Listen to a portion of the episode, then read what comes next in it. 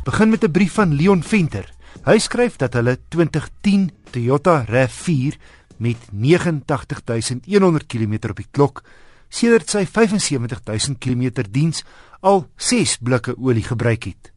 Toyota en Kimberley sê met sy vorige diens in Springbok het hulle 'n swak tipe olie gebruik wat dit nou veroorsaak. Kom ons hoor hoe antwoord die tegniese motorjoernalis Jake Venter vir Leon. Dit is nie onmoontlik dat goedkoop laagkwaliteit olie skade kan aanrig nie. Dit is glad nie onmoontlik nie, maar dit is baie onwaarskynlik dat dit so vinnig sal gebeur. In die tweede plek neem die luisteraar nie eintlik of die motor rook of nie. As dit as jy so baie olie gebruik, dan word dit rook soos 'n stoomlokomotief. So ek vermoed daar is waarskynlik 'n lek erns wat nie so maklik is om op te spoor nie. Jy kan dit ook 'n lek wat net gebeur terwyl jy ry En dan sien jy dit nooit as jy moet erns stop, dan sien jy dit nie eintlik nie. Dit kan dalk iets van die aard wees. Die enigste manier om seker te maak is mens moet maar 'n goeie werktuignige erns gaan gekry wat hy 'n paar toetse kan doen op die op die enjin en kyk presies wat daar aangaan.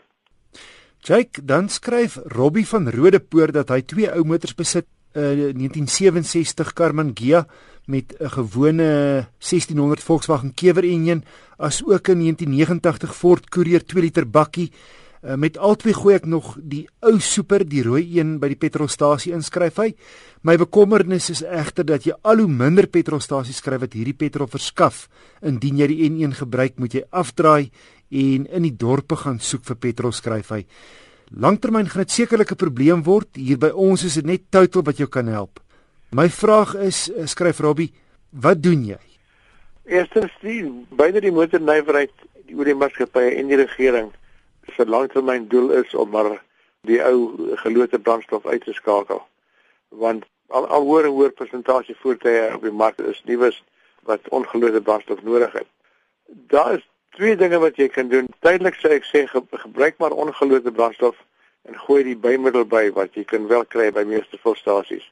Wat die Volkswagen betref, het ek nou daar onlangs by 'n maatskappy gaan kuier wat ou beter engines opdoen en hulle sê mense maar kyk, jy moet eintlik moet iemand maar die, die silinders op afval en kyk of hy staal of gieteyster sitplekke het die die kleppe.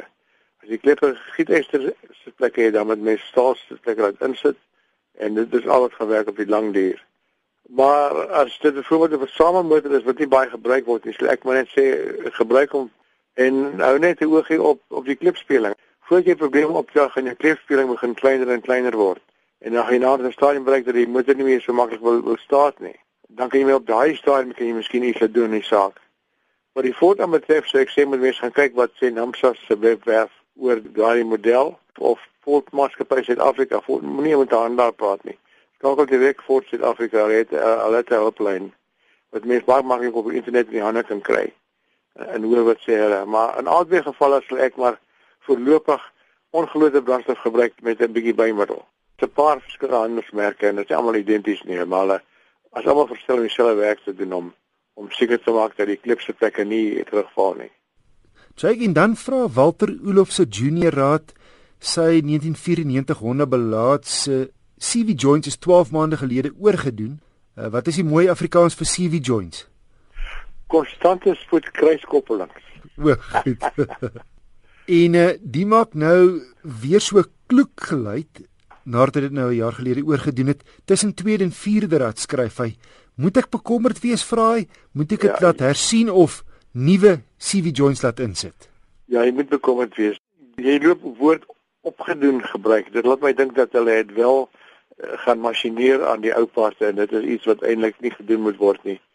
Want die materiaal is spesiaal hard gemaak harder laag aan die buitekant van die staal gedeeltes van die kruiskoppeling en as mens masjineer en ding dan breek jy partykeer deur na die sagte gedeelte toe en hou die ding nie baie lank nie. Die ideale oplossing wat ongelukkig duur is om maar 'n nuwe stel kruiskopplings te kry. En dan moet mens versigtig wees jy kry van hulle wat uit die verre ooste uitkom wat nie lank hou nie. Mens moet maar op 'n of ander manier uitvind hoe hoog die goeie kwaliteit is van die kruiskopplings. Dit sal jou skielik beteken jy moet 'n werkswinkel gaan soek wat ordentlike werk vir jou gaan doen wat jy goed kan waarborg op 'n manier. Daar is 'n uh, maatskappye wat 'n bietjie waarborg gee vir daai soort van werk. Dit is maar 'n tipe ding wat ehm um, na X aantal jaar uh, vervang moet word.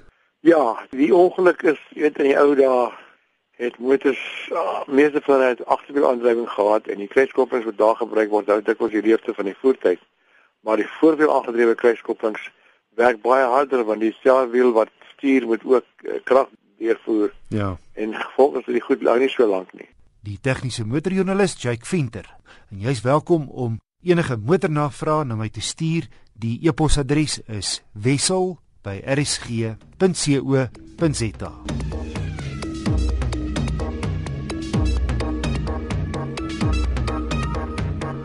Video het die week wyd op die internet die ronde gedoen waarin duidelik gesien kan word hoe 'n gryptief blitsvinnig die linker voorvenster van 'n Land Rover Discovery met iets stikkend slaan. Hy duik dan halflyf in en gryp klaarblyklik iets. My wenk van die week: sorg dat kosbare items glad nie sigbaar is in jou voertuig nie. Volgende week weer padtoetse, 'n Jeep Cherokee en 'n Honda Ballade word evalueer.